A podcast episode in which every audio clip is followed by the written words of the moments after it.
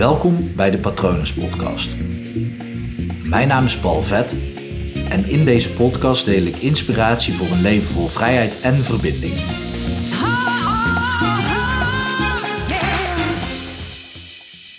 In stilte vind je jezelf. Tijdens de Nepalreis die ik organiseer, misschien weer in 2021, weet ik nog niet zeker. Maar tijdens die reis zit er een stiltewandeling in.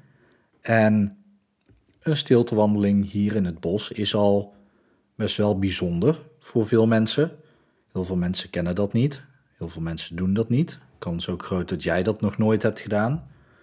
Maar om dat dan ook nog eens in de Himalaya te doen, dat is ook weer een volgende stap. Want je bent ook nog eens weg uit een omgeving die je kent of zelfs niet eens in een omgeving die lijkt op die je kent. En omdat het kan en omdat het leuk is, heb ik de stiltewandeling ook nog geïntroduceerd. Ik weet niet of dat, dat in de volgende reis ook zal gebeuren. Maar op het moment dat we 3500 traptreden omhoog moesten. Dus de opdracht was: wees stil terwijl je 3500 traptreden omhoog gaat wandelen. En luister dan eens naar jezelf. Luister dan eens wat er gebeurt in je systeem. Wat komt er omhoog? En ja, bij elk individu is dat natuurlijk weer iets anders. Dus elke deelnemer, um, nou ja, iedereen was stil, dus ik was automatisch ook stil. En de coach die erbij was ook. Dus elke deelnemer, inclusief bij mezelf, merk ik heel erg op welke stemmen er dan omhoog komen tijdens zo'n wandeling. En dan vooral tijdens zo'n uitdagende wandeling. Kijk, de een die denkt van, uh, oh, ik kan dit en ik heb hiervoor getraind, dus ik ga dit uh, makkelijk doen. De ander die denkt, ja, ik wil wel als eerste boven komen om te laten zien hoe fit ik ben. De ander, we hadden een deelnemer van 60 jaar, die dacht alleen maar, ik ga bewijzen dat ze helemaal niet kunnen inschatten hoe oud ik ben. Dus ik, uh, ik loop gewoon door en ook al kom ik op mijn gemakje als laatste boven, dan ben ik in ieder geval boven en laat ik aan mezelf zien dat ik fit genoeg ben. Een ander had het heel moeilijk, dus die had allemaal stemmen die zeiden: ja, je kan dit niet, je moet eigenlijk om hulp vragen of je moet vragen of dat ze even op je wachten, dat soort dingen. Nu loop ik standaard zelf achteraan, dus dat is helemaal niet aan de orde, maar dat, dat roepen die stemmen dan wel tegen, tegen de deelnemers. Dat is heel interessant, want in die stilte hoor je dus jezelf. En dit is dan alleen nog maar de stilte richting het praten met anderen. Maar op het moment als jouw brein uiteindelijk ook eens stopt met ratelen, je, je kan nooit zonder gedachten zijn. Op het moment dat je wakker bent, heb je bewust altijd gedachten. Tenminste, sommige mensen nog onbewust, maar je zal altijd gedachten hebben. Zoals een uh, hele bekende meditatiegoeroe ook zegt. Op het moment dat je dat niet meer hebt, dan ben je dood. Dan heb je een flatline. Zo'n pieptoon, weet je wel. Dan, dan stop je je gedachten. Maar het ratelen. Sommige mensen, en ik ken er daar wel een aantal van, sterker nog, wacht, één verhaal tegelijk. Oké, iemand vroeg aan mij laatst, wat doe jij om te ontspannen? En ik zei, uit het raam staren, gewoon meteen het eerste antwoord. En ik kreeg echt een hele rare blik van haar, want wat is dat nou weer voor iets raars om te gaan ontspannen en dan uit het raam te gaan staren? Sowieso in de vraagstelling zit iets geks wat ga je doen om te ontspannen? Dus alsof je iets moet gaan doen om te ontspannen. Dat kan natuurlijk wel, hè? ik zeg niet dat dat niet kan. Maar uit het raam staren is wel een van de meest eenvoudige en misschien wel beste manieren om te ontspannen. Want uit het raam staren, letterlijk staren, dan ben je even met niks bezig. Maar sommige mensen die even uit het raam staren, daar stopt hun brein nog niet van met ratelen. Dat ratelen gaat nog even door. Bij de een is dat één minuut.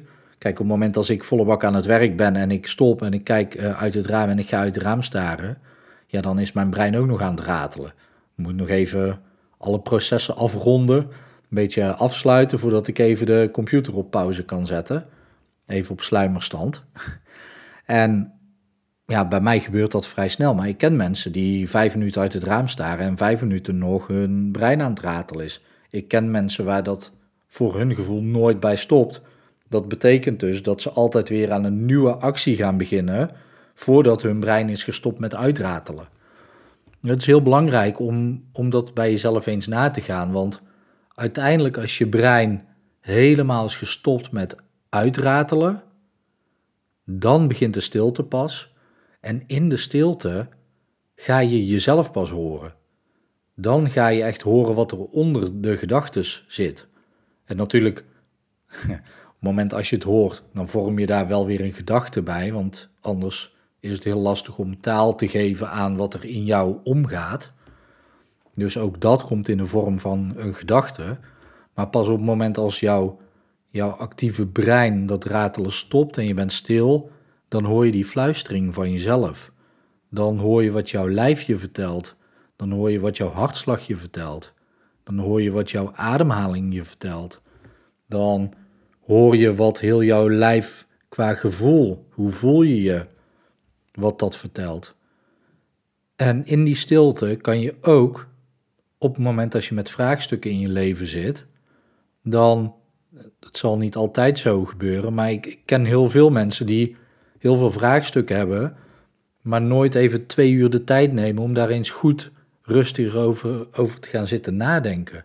Echt even diep op één onderwerp nadenken. Ik weet dat sommige ondernemerscoaches, businesscoaches, die, ja, die hebben deze methode de laatste tijd al vaker uitgelegd. Dus ik weet niet of dat jij zelf een ondernemer bent, anders is dat wel raadzaam om eens op te zoeken. Um, ik denk als je zoekt op deep thinking van Ilko de Boeren, dan kom je wel op een podcast van hem uit waarin hij dat uitlegt. Maar er zijn dus heel veel business coaches die uitleggen: oké, ga eens minimaal 20 minuten over één onderwerp nadenken. Dan zal je merken dat je in het begin al denkt: oh ja, dit is het antwoord. En op het moment dat je dan langer blijft doordenken, dan stuit je weer op nieuwe uitdagingen. En uiteindelijk gaat je brein dus stil worden. En na ongeveer 20 minuten en daarna dan komen de interessante gedachten omhoog die je echt verder helpen in het ding waar je tegenaan loopt. Maar dat is dus pas, nou ja, wat zij dus zeggen, gemiddeld na 20 minuten dat je stil bent, dat je op de bank zit met een kop thee of aan je eettafel met een blanco pagina voor je en een kop thee. Of wanneer je uit het raam zit te staren, staat te staren, misschien met een kop thee of water, maakt natuurlijk niet uit. Of helemaal niks, ook prima. Maar dan komen er antwoorden. Als je stil bent, dan, ja, dan begint jouw hele wezen tegen jou te praten. En dan hoor je jezelf, dan kom je er pas veel beter achter wie jij bent. Want daarvoor zitten allemaal stemmen, al die gedachten zijn vaak allemaal van andere mensen of van de buitenwereld die iets van je verwachten. En die verwachting heb je misschien zelf overgenomen. Maar als je echt een tijd stil bent, dan ja, dan, dan krijg je eigenlijk hetzelfde als waar ik het eerder over heb gehad. Dat iets wat in leegte staat, wat, dat dat veel meer waard is. Dus op het moment dat jouw gedachten nagenoeg stil zijn en dan komt er een gedachte omhoog, dan is die gedachte superveel waard. Net zoals in een museum in één grote ruimte, dat daar één kunstwerk staat in plaats van dat er honderden aan de muur hangen. Als er één staat, is dat ene kunstwerk natuurlijk veel meer waard. En dat is dus ook met die gedachte die opkomt in de leegte. Stilte en leegte is heel erg waardevol voor je. Het is ook heel makkelijk om op te zoeken. Het enige wat je daarvoor hoeft te doen is daar tijd voor vrij te maken en afleiding en verleiding even uit te zetten. Dus ga een boswandeling maken zonder telefoon of zet je telefoon uit of op vliegtuigmodus. Dat je niet in het bos zit en dat er iets gebeurt dat je niemand kan bellen. Maar Zet hem op vliegtuigmodus, dat je echt gewoon niks binnenkrijgt. Um, ja, en zorg er dan voor dat je gewoon alleen maar gaat wandelen met jezelf en een beetje om je heen gaat kijken. En als je dan een antwoord op een vraagstuk wil, neem dan één vraagstuk mee tijdens de wandeling. Dan krijg je daar antwoord op. Super waardevol om te doen. Uh, ik hoop natuurlijk dat het goed met je gaat. Ik hoop ook dat het goed gaat met dierbaren van je.